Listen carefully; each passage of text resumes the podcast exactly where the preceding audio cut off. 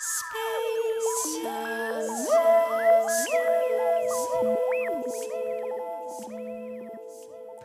lytter til Solveig Space og musikk fra Drakel FM 99,3. Mitt navn er Solveig Sørbø, og jeg har noen veldig kule gjester med meg i dag. Velkommen til dere. Takk, takk. Jeg skal si hvem dere er, da. Um, det er uh, Bergeton. Jeg, jeg syns det minner om reggaeton, men det har absolutt ingenting med det å gjøre. Nei, ikke som jeg vet. Ja. det er noe helt annet. Det er et nordnorsk guttenavn som man får i din slekt. Ja, Ja. Um, og du jobber da med en slags eh, elektronifisert musikk med røtter i metal. Var det helt feil?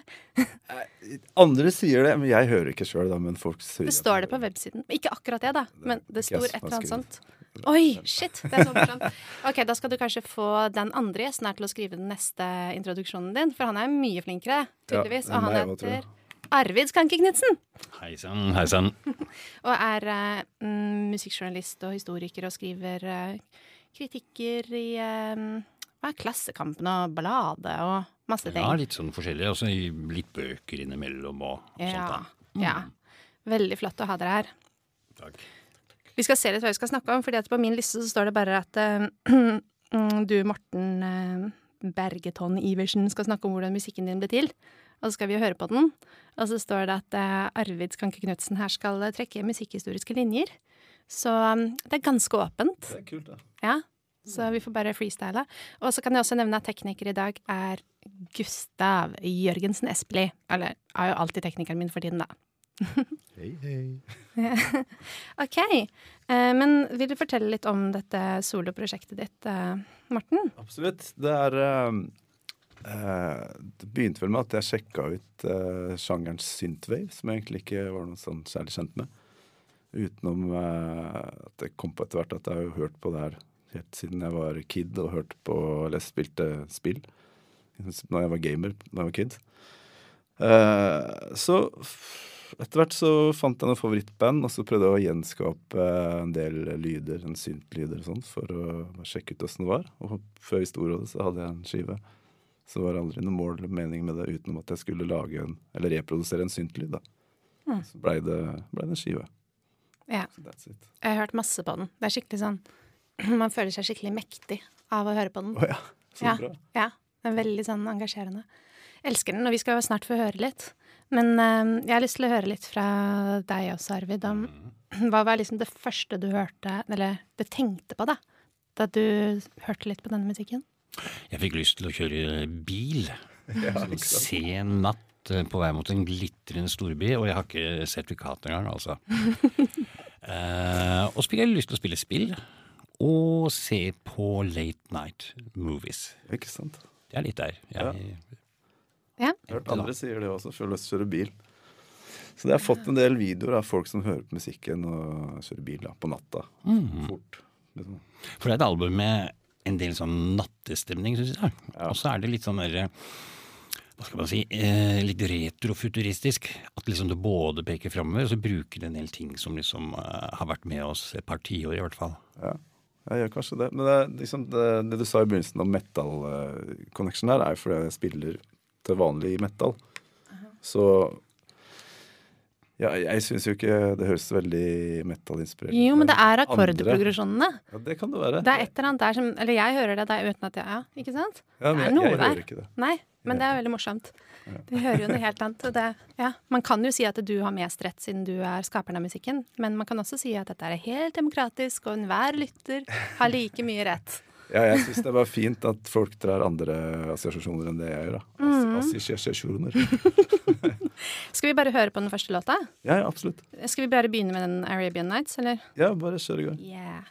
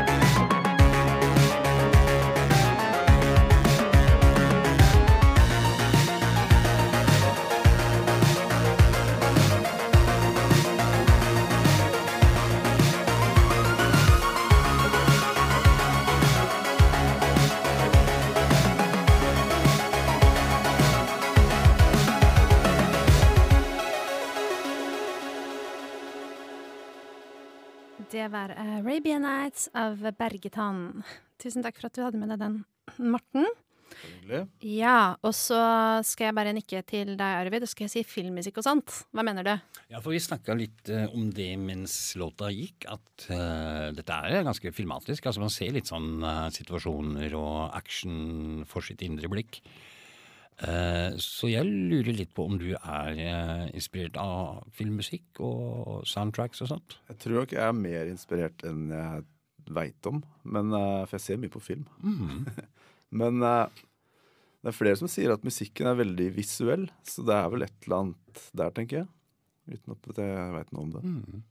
Jeg fikk litt sånn assosiasjoner til uh, tidlig John Carpenter, da, som står bak musikken til eh, Halloween og sånt. Det er en av de første filmene hans heter Assault on Precinct 16, er det det?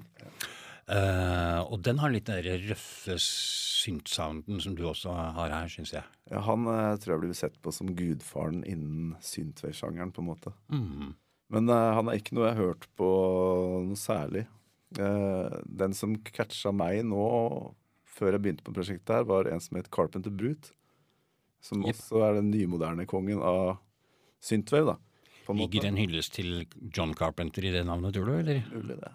jeg tror nok det. Det er i hvert fall det som inspirerte meg til å sette i gang. Jeg prøvde å reskape noen lyder han hadde lagd. Han eh, Carp- eh, Carpenter Brut. Kan jeg bare gå liksom ti steg tilbake? Hva er synthwave? Det er Et godt spørsmål. Jeg er Nesten må google. Google? Nei. Arvid, da. Nei, jeg tror ikke vi eh, begir meg ut på det når Rikke Bergerton eh, gjør det, altså. Men eh, eh, hvis vi går litt sånn tilbake i tid, da, så Jeg har alltid liksom hørt på sånne musikk som dette her. I den grad den musikk som dette her har eh, eksistert. Altså um, jeg begynte ganske tidlig å digge liksom, eh, de litt rare side to på Bowie-skivene Low og Heroes. Hørte mye på um, Brian Eden og hans eksperimentelle elektroniske greier og sånt. Og seinere, liksom stykket ut på 80-tallet, så kom det en veldig bra bølge med musikk, særlig fra Mellom-Europa. Altså det som ble kalt for uh, electronic body music, eller eh, industrial eh, musikk, da. Og veldig bra labeler, sånn som KK Records fra Belgia.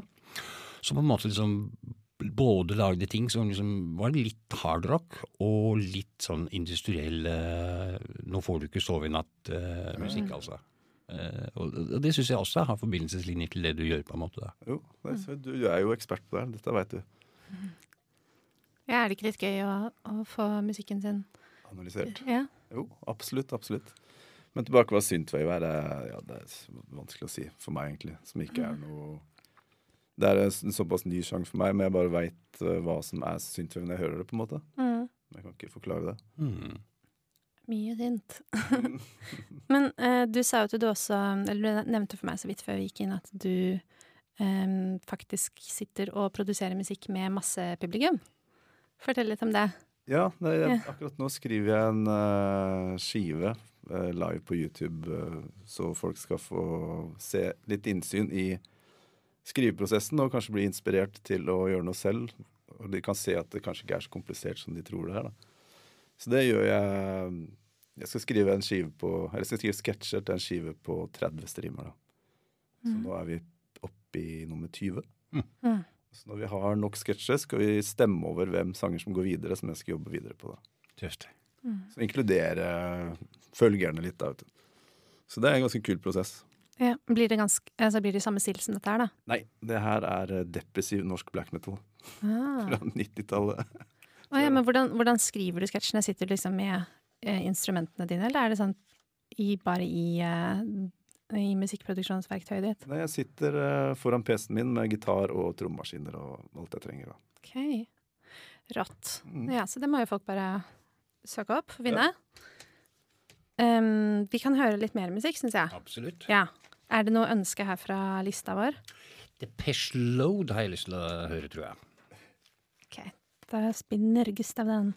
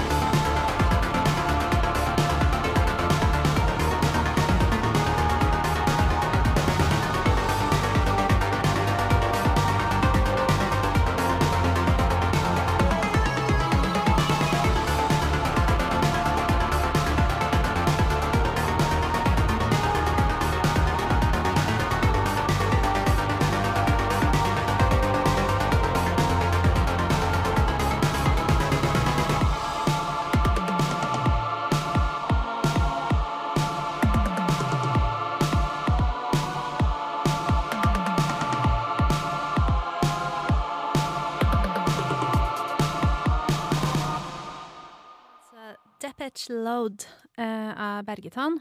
Um, og eh, har, hvordan er, hva har det noe å gjøre med, med Depeche Mode? Eh, Hvorfor heter den Depeche Load? Hva er estetikken og alt det der? Nei, det er, siden det ikke er noen tekster i den på den skiva her, så måtte jeg bare finne på tulle, tullenavn, tulletitler. Så jeg fant masse kule ord som passa sammen, og som var eh, Som passa til sjangeren, da. Rett og slett. Men det er jo Deppers Low, det er jo pønn på Deppers Mode. Mm. Og Depeche Mode eh, var jo liksom et av de bandene som på en måte tok et visst sånn eh, industrielt eh, sound med metallklanger og sånt ut til et stort poppublikum. Eh, det sies jo det at grunnen til at de plutselig endra lydbildet fra første skiva til ja, sånn andre-tredje, det er at de var i samme studio som Arnstjøtsen og Neubauten. Og Neubauten hadde vært så dumme at de hadde glemt igjen en eske med alle de kule samplene sine. Så da bare rappa Depeche Mode alt de kunne. Nei, seriøst? Det visste jeg Er det ikke. sant? Det er så kult. Det hadde vært det. Fantastisk morsomt. Men uh, hvordan, uh, hvordan er det du lager alle altså apro- Apropos samples, hvordan lager du alle disse fine lydene og syntene og trommemaskinene, eller hvordan, hva bruker du? Jeg bruker mye rart. Jeg bruker liksom det jeg tror funker, og så justerer jeg litt på det. Jeg, selv om det er min første elektroniske skive, så har jeg holdt på med elektronisk musikk siden 2002 ca. Sånn on-off. Ikke gitt ut noen, da. Noen ting. Så, men på skiva her så er det jo sånn par eh, standardting som trommaskin Lindrum, for eksempel. Som er uh, utgangspunkt i mye av de greiene der. Som jeg har tvika litt og sånn. Eller så er det syntlyder som er lagd fra bånda, rett og slett. En del av det her. I hva da? Hvordan da? I et program som heter Reason. Propeller with Å, ja. Reason. Okay. For du har ikke en faktisk Lindrum, eller? Nei, dessverre. Oi, oi, oi. Ja, for de, er, de går ikke billig. Det kan jeg tenke meg. Så det er det og 909 og 808 som er eh, Nå nikker Gustav fra rommet der, han vet mer om det enn meg. typiske, typiske ting man brukte på den tida der, da. Eller enda, for å få fram eh, eller gjenskape de lydene her. Samtidig som liksom musikken din er ganske sånn eh, ja, futuristisk og speisa, for å bruke det uttrykket. Eh, så er den også litt sånn dirty og skitten og nitty-gritty. Er det sånn lydbilde du bevisst har gått for? Nei, absolutt ikke. Der, der, kommer sikkert min metal-fortid inn i bildet, mm. som uh, gjør det litt mer skittent. Men den er veldig organisert. Det er jo ikke sånn bare Jeg syns det er mye sånn musikk som er innenfor rock som bare ja, det, er, det er så masse sånn Jeg vet ikke fuzz eller hva det er. Så, du, så jeg får følelsen av bare sånn bzzz på ørene mine. Og det er det ikke noe av her. Alt er liksom egentlig ganske sånn krystallklart. Jo da. I mine det- ører. Jo, det, det er det for meg òg. Det er kanskje litt for fint. Uh, Nei, det er ikke for fint. for det er meg- bare, for, for meg så er uh, veldig mye god musikk nettopp det at du kan høre hva som skjer i, de en, i enkeltstemmene. Ja.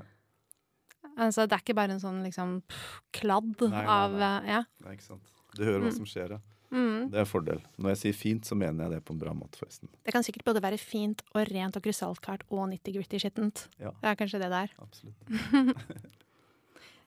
um, skal vi høre litt mer musikk? Ja. Ja Hva vil vi høre da? Da vil vi høre The Demon. Ok. Hvis jeg får bestemme, da. Det er klart du får. Vi kan ta en lytteravstemning. Ja.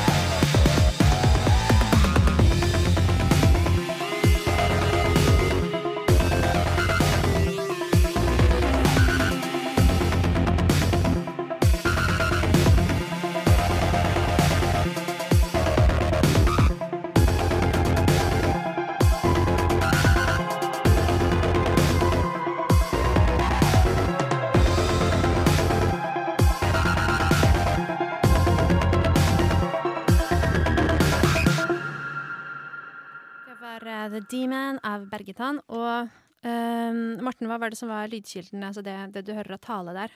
Det er rett og slett eh, at jeg trykker inn ord i en browser, og så kommer det ut som lyd.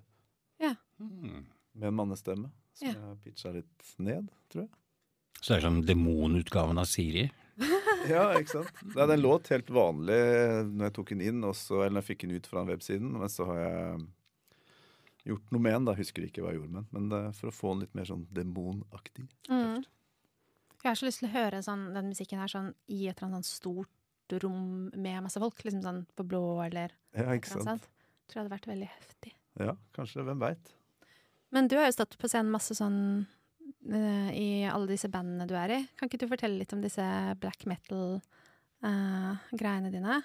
Absolutt. Eh, så jeg er jo egentlig, ikke bare egentlig, jeg er gitarist i eh, Norges største black metal-band, Mayhem. Mm. Eh, og der har jeg vært gitarist i elleve år, tenker jeg.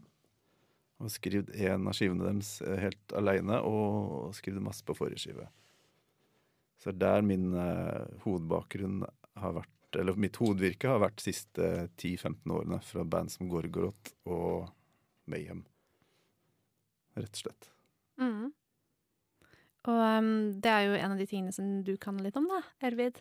Eh, Jeg kan vel ikke så mye som uh, Bergeton uh, sjæl når det gjelder Mayhem, i hvert fall. Men, men jeg har jo prøvd å følge med ganske lenge. Jeg likte veldig godt uh, black metal-sjangeren i det Hvis det er riktig å si likte, da. Altså, jeg syns det var interessant, jeg syns det var voldsomt, jeg syns det hadde kjempemessig potensial. Og alt det var før uh, alt det rabalderet og skandalene og jeg holdt på å si det mer kriminelle skjedde. Eh, Jeg så veldig tidlig utgave av Mayhem på en scene her i Oslo som het uh, Bootleg scene. Ja, ja. Og da tror jeg ikke de var gamle gutta, altså. Nei. Og det var en sånn helt eget attakk og en egen estetikk allerede på plass uh, den gangen. Uh, så skrev jeg litt, eller på den tida, da, eller sånn La oss si slutten av 80-tallet, da skrev jeg i um, en musikkavis som het Puls. Eh, og da var jeg også litt sånn tidlig ute med å anmelde mm, ja, black metal-relatert musikk. For eksempel eh, Celtic Frost, uh, Into the Pandemonium og sånt. Og så ble jeg korredaktør av noe som het Rock Furore, og da hadde vi både folk som liksom var litt eksperter på, på black metal, for det syntes vi var viktig, og, og, og vi skrev en del uh, om det også. En, en av de få på den tida. Ja, det var jo Utenom- interesse, men du du, det, det, var så ja. Altså, det var jo helt hysteriske tilstander. Altså, jeg husker ikke om det var Dagbladet eller hva det var, men altså eh, Jeg tror politiet hadde gjort razzia hos en eller annen band som hadde et øvingslokale. Og da skrev jo Dagbladet at eh, man hadde funnet midler for å fjerne spor. Og det var da en Zalo-flaske eller noe sånt. Så temperaturen var ganske skrudd opp. Men det, det skjedde jo skrudd ting også, da. Det gjorde det absolutt. Det var jo en veldig spesiell tid. Det var det. Men hva er det som kjennetegner liksom, eh, norsk black metal? Eh, at den ble fullstendig Altså, du har jo ting som skjedde i England, ting som skjedde i Sverige, som liksom er både parallelt og i forkant, men, men den norske utgaven av black metal, den er så eh, Ja Dødelig livskraftig. At eh, den tok luven av nesten absolutt alt annet. Ja, Det blei skrevet kanskje mer om det som skjedde i Norge enn andre steder òg, som gjorde at vi fikk en liten push der. Men, men hva da? Hva er det som er kraften din, liksom? Det er jo det er mørke og kulda og vinteren og skogen og sånt. Altså, jeg kjørte gjennom det norske um, ja, liksom forstads- slash eh, bygdelandskapet, altså her i Viken-området som det heter nå. Uh, og så kjørte vi forbi masse sånne der triste bussholdeplasser, hvor du bare vet at uh, 15-16-åringer har stått og kjedet vettet av seg mens de venter på den ene bussen som kommer en gang i timen. Jeg tenker at Det er det som på en måte er eh, åstedet for at noe sånt som black metal kan oppstå. Det er ikke nødvendigvis de mørke skogene. Nei, De mørke skogene er mer et symbol for hvordan man føler seg. ja, Det høres veldig bra ut. Bra sagt. Du kjenner deg igjen i det? Ja, Er, yes. når dere drev og lagde denne musikken, eller ja, det, ja, det var jo det var kanskje sånn det var. Når jeg sto og venta på bussen og tenkte på riff. Jeg ha, hata livet. Men er det veldig annerledes for deg, altså, eller det må nesten være litt annerledes når du sitter og jobber solo, men, altså, kontra det å jobbe i band? Eh, ja, det er jo noe helt annet. Det er, spiller i band, så må du jo tenke på inputs fra de andre hele tida, og la de få lov til å slippe til og sånn. Mm. Mens her får man jo egenrådet, som er ganske sånn deilig kreativt. da. Mm. Man ikke trenger å legge lokk på seg eller kan gjøre hva man vil. Det er veldig deilig. Kan jeg få lov til å si en ting til? Og det er at eh, du spurte Solveig hva som liksom var spesielt eller bra med norsk black metal. Mm. Noe av det som er eh, veldig spesielt, det er jo at masse av disse banda de utvikler seg så innmari fort. Altså de skivene som kommer ut eh, et stykke inn på 90-tallet, høres jo ikke ut som starten i det hele tatt. Og et band som Ulver med Kristoffer Rygg, altså han blir eh, bandkamerat med Tor Ylvesaker. Hva er det de hører på da, liksom? Det er coil og sånne eksperimentelle industrial eh, heavy shit. Og, og det merker du i musikken. Og Mayhem tok jo mye av den samme veien. Og, og, og samme med for eksempel Thorns. Thorns kunne også være jævla heavy og avantgarde. Absolutt. Helt enig i det der, altså. Men dere sa så vidt også mens vi lytta her uh, Jeg driver og sier jeg må si alle de bra tingene dere sier mens vi lytter. Det må dere også si på lufta. Men det var et eller annet om med um, synthwave, at det tiltaler veldig uh, Synthwave, uh, som tiltaler veldig disse black metal-fansa. Ja, absolutt. Det har Ja. blitt eh, Det er veldig mange metalheads som liker sjangeren synthwave. Så det var egentlig helt naturlig at du gikk mer i den retningen. Egentlig. Men jeg visste ikke at andre metalfolk hørte på det her. egentlig i det hele tatt. Nei, men du er, vel, liksom, du er lagd av, er lagd av samme materiale, vet du. Så Ja. det, er det. Det- Samme DNA. Norwegian Wood. Yes. Jeg bare lurte på, var det sånn på 80- og 90-tall også? At det var en sånn klar eh, korrelans mellom metal-miljøet og synt? ja, det er Ny wave og sånn? Ja, ja, men for, for vår del så har vi alltid hatt elektronisk musikk på siden, liksom. Som vi har hørt på, men vi har ikke lagd noe greier ut av det. Så det, det, det er ikke bare oss uh, som jeg kjenner, men det vet jeg andre har gjort òg. Som uh, Fenris fra Dark Throne. Ja, klart. jo- Mm. Og til og med Euronymous fra Mayhem har jo stor synt-fan. mm. Så det, det er ikke noe nytt. Absolutt ikke. Men kanskje det er noe i rytmen som som er, ikke er så utrolig langt unna. Vanskelig å si, det har aldri tenkt noe særlig Det var i hvert fall ikke sånn der sving og synkoper og sånn. Det er ikke så mye Nei, det av det, på en måte. Det hadde kanskje vært fjernere. Et uh, annet kult eh, norsk metalband som heter Troll, Yep. de har jo brukt mye, mye synter til eh, stor dramatisk effekt. Ja, absolutt. De med Borger og Ik ja, ikke minst. Det har jo blitt en egen sjanger, det. Mm. Og så tenker jeg også at nettopp fordi at det var så innmari mye fokus på skandalene og alt det ganske jævlige som skjedde, så ble det også litt nødvendig for musikerne å komme seg, springe de rammene litt. Komme seg litt videre. Lage musikk som kanskje viste at du kunne gå andre veier. Du tenkte ikke å stå på stedet hvil og være true Norwegian metal resten av livet, altså. Nei, men det, det er jo nesten et problem den dag i dag at uh, det snakkes veldig lite om musikken, men kun hva alt det gærne som skjedde på tida. Så det er ganske kjipt når man har lagt mye tid på en skive, og så skal fremdeles bare, eller media kan fremdeles kun snakke om drap og kirkebrenning. Mm. Men uh, du gjør det ikke så lett når du legger en sånn død sexarbeider på, på coveret. Nei, men det, det, går til, uh, det går tilbake til tittelen på skiva, som er Miami Murder, som yeah. på 80-tallet var jo kokain, da. Mm. Ja, for jeg tenkte det, er- det er fint å fortelle litt om det konseptuelle også. Sånn, jeg mente jo ikke det jeg sa, da, men det var bare ja. Nei, nei, det var bare eh, ja, En skive trenger en tittel, som regel, og da tok jeg rett og slett uh, og ga Miami Murder- Murder-tittelen til han som uh, tegna skiva. Mm. Og forklarte hva jeg mente med det, og så tegna han den skiva. Mm. Det sies jo ellers at uh, man kan høre på um, 70-tallsskiver, tidlige 80-tallsskiver. Og så kan du jeg tror du kan lytte på diskanten, er det det? Og, da- da, finner du ut hvor mye kokain teknikeren eh, tok.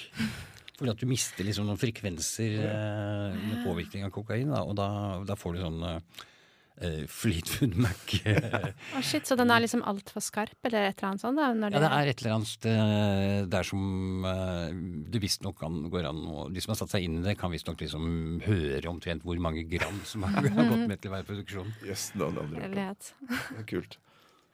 Ja, skal vi mm, høre litt uh, mer musikk? Nå kan eh, dere velge. Ja, men altså, vi kan jo ta for eksempel Miami Murder, da, siden vi har nevnt Altså, det er jo tittel...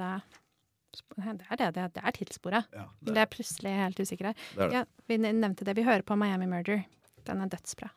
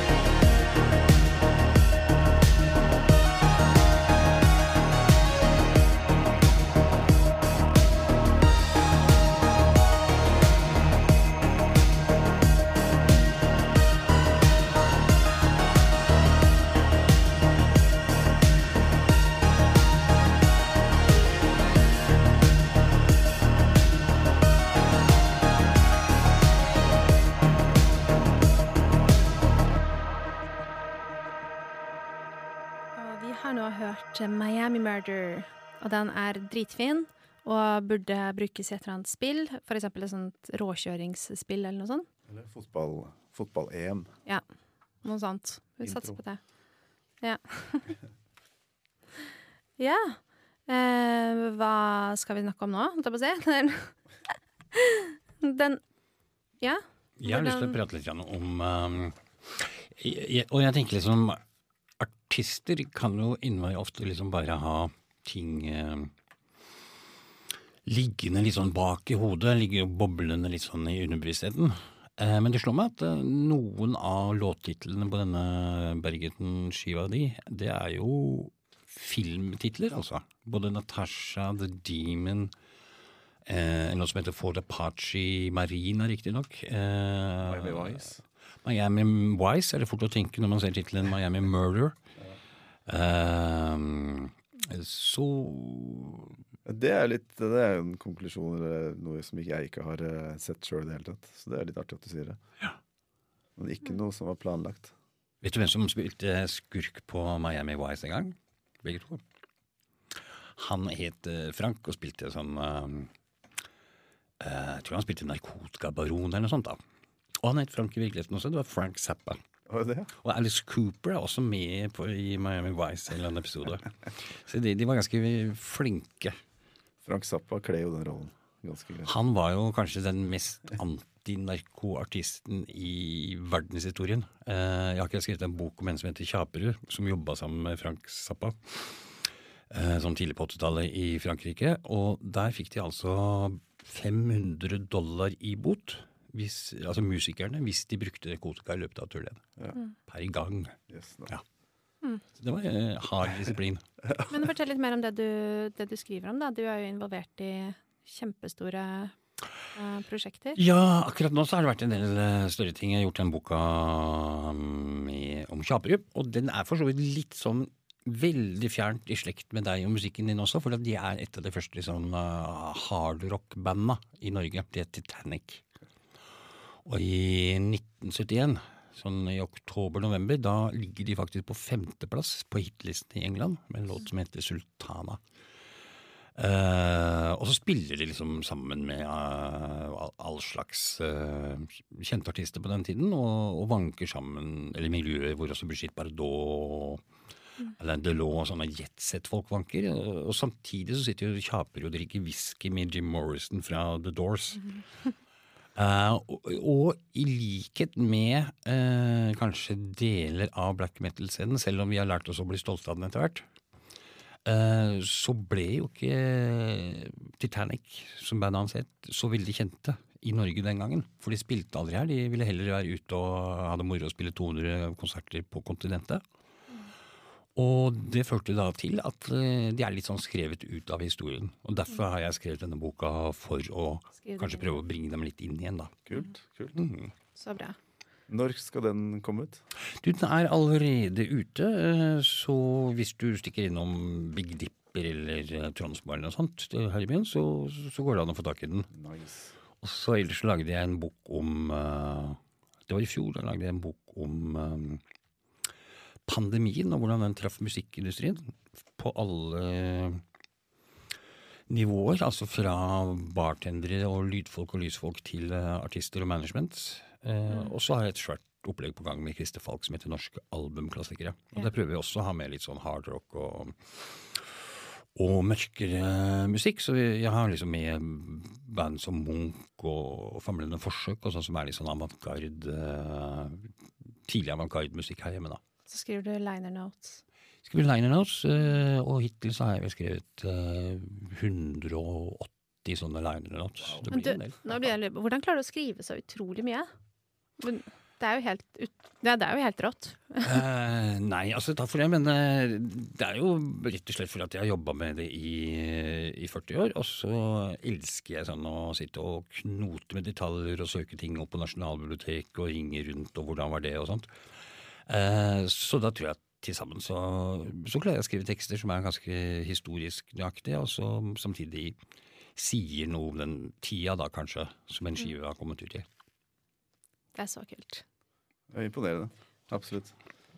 For å bare slenge inn at jeg syns det er kjempebra at dere har eh, relansert eh, Munch. Munch. Ja, det er jo gamle, gamle favoritter. Og de er jo også liksom ganske tidlig ute med det sånn industrielle sound og fikk platekontrakt i Berlin og sånt. da. Så um, vi har hatt gode tradisjoner, som blant annet Mayhem eh, opprettholder, og Bergeten eh, opprettholder i dag. Mm. Det er ikke så veldig lenge til vi skal høre en låt til, tenker jeg. Og vi har eh, Ja. Vi, vi har et Vi kan egentlig høre litt nå. Skal vi se hvis det er en som ikke er altfor lang. Mm. Fort Apache Marina det er vel av de kortere. Ja. Jeg vet ikke om jeg har hørt. Hvordan er, hvordan, er du, hvordan er den? Hva vil du si om den, eh, Morten?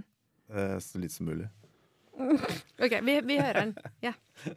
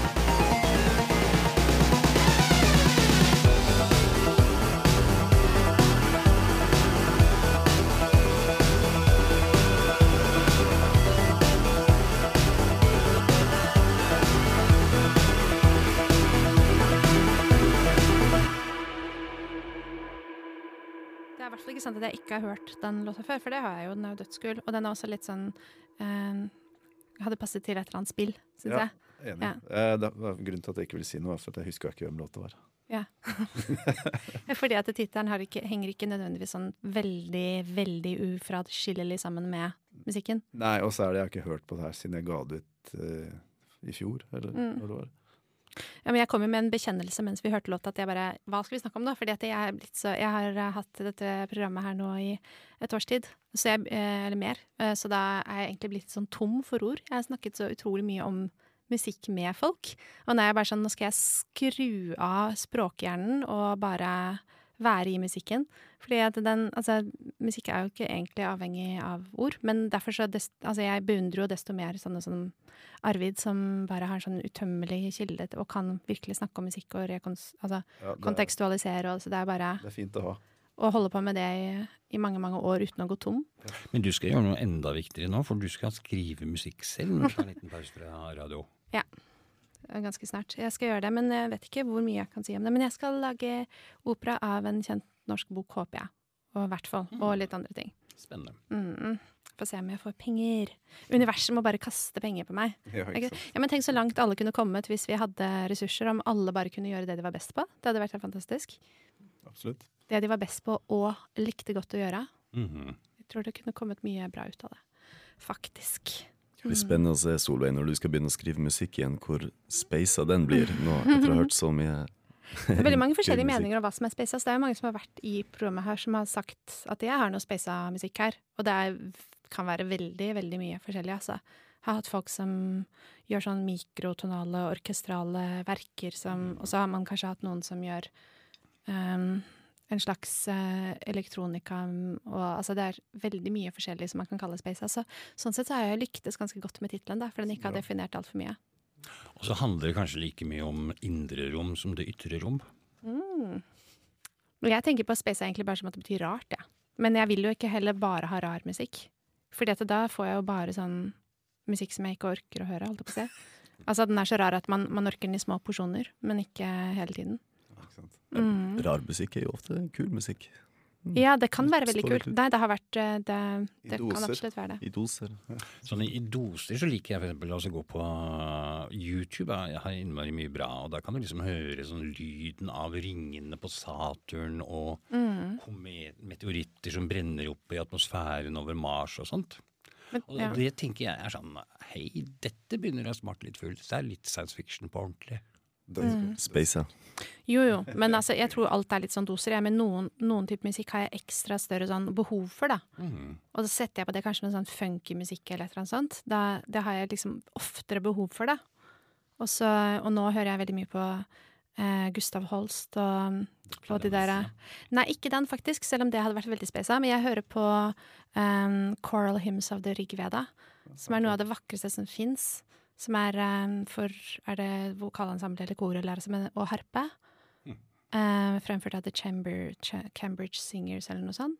Det er så vakkert. Tøft. Jeg har bare hørt den der Planets. Den er kjempefin. Ja, men det er det at hele Holst sin katalog er på en måte glemt fordi at The Planets er så stellar. At det liksom skygger for alt Ja, annet. riktig. Overblender. Overstråler. Du vet liksom eh, Folk var i mange mange år lei seg for at uh, Holst skrev eh, planetene så tidlig som han gjorde.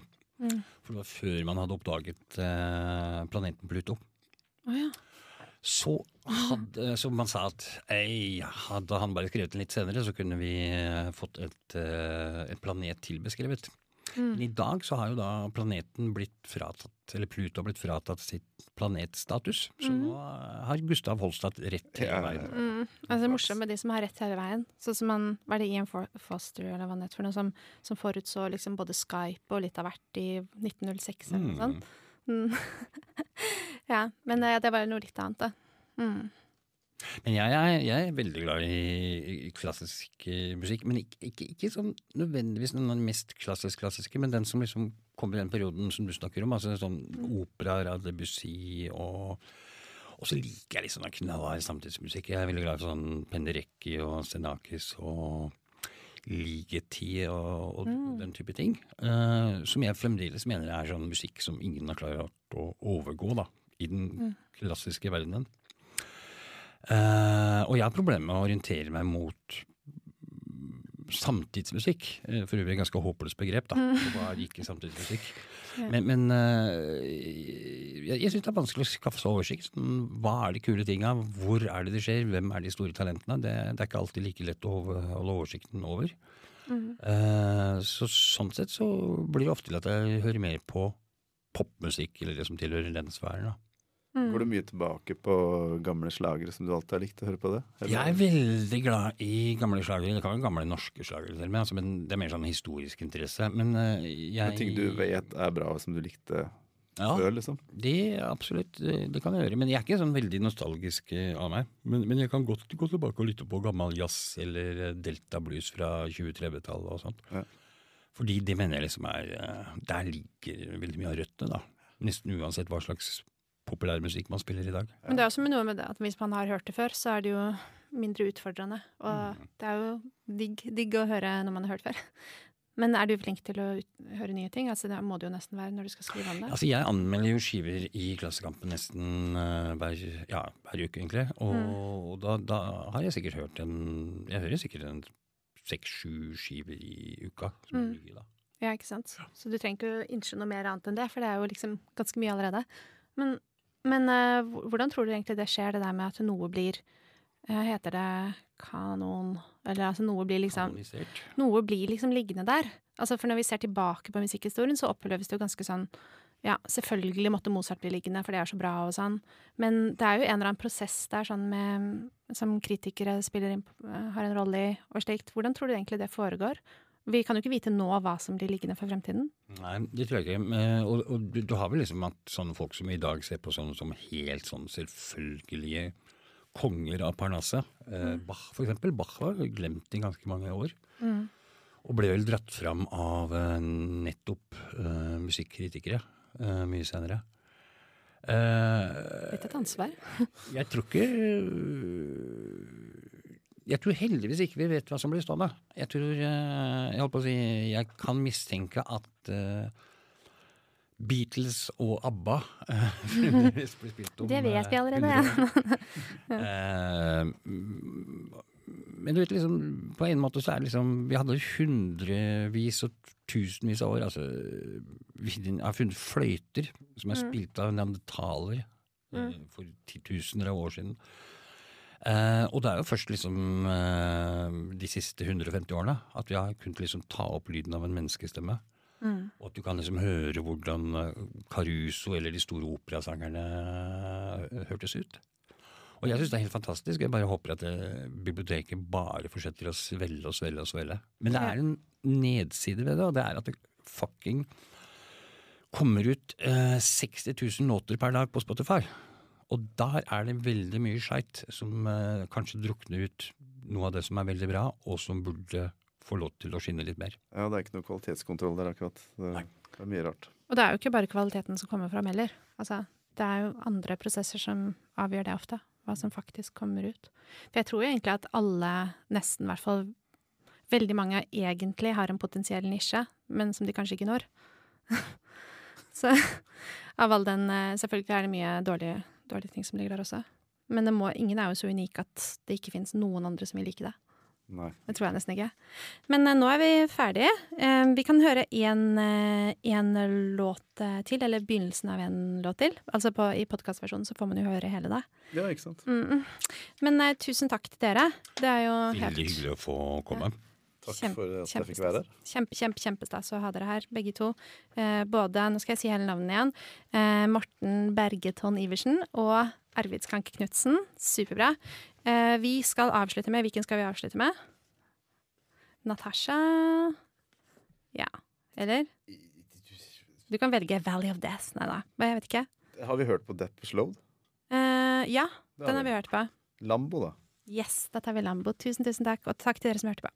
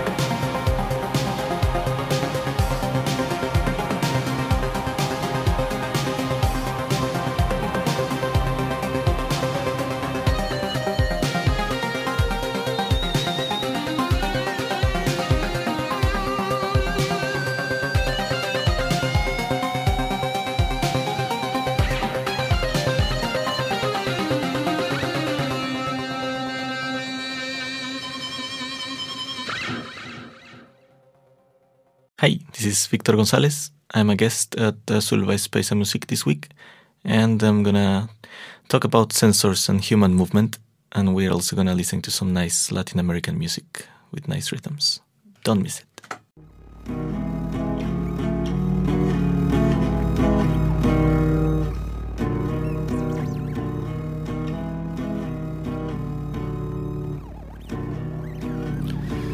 This is Jar Erdem. I was a very um, happy guest in uh, Space of Music. And uh, I talked about music, body, AI, and artificial bodies and beyond. So if you want to hear more, don't miss this one.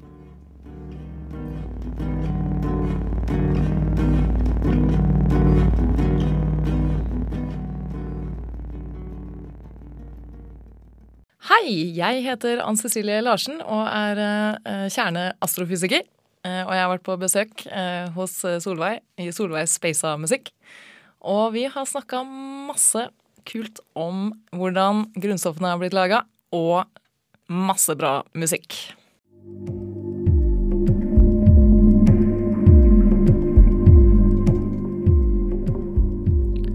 Hei, hei. Dette er Marit for Monument på Solveigs uh, Space av musikk.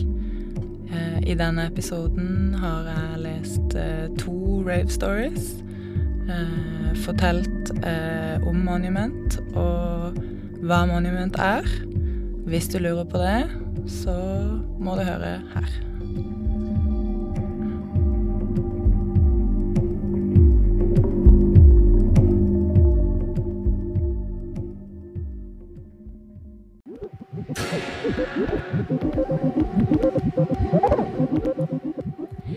heter er Solveig Wang og Kai van der Lippe.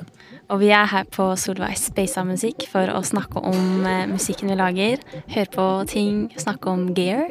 Mm, vi plukker eh, fra hverandre litt låter og går gjennom dem. Eh, og snakker om prosjektene våre. Mitt Why-Kai og Og Nothing Personal. Mm. Sjekk det ut.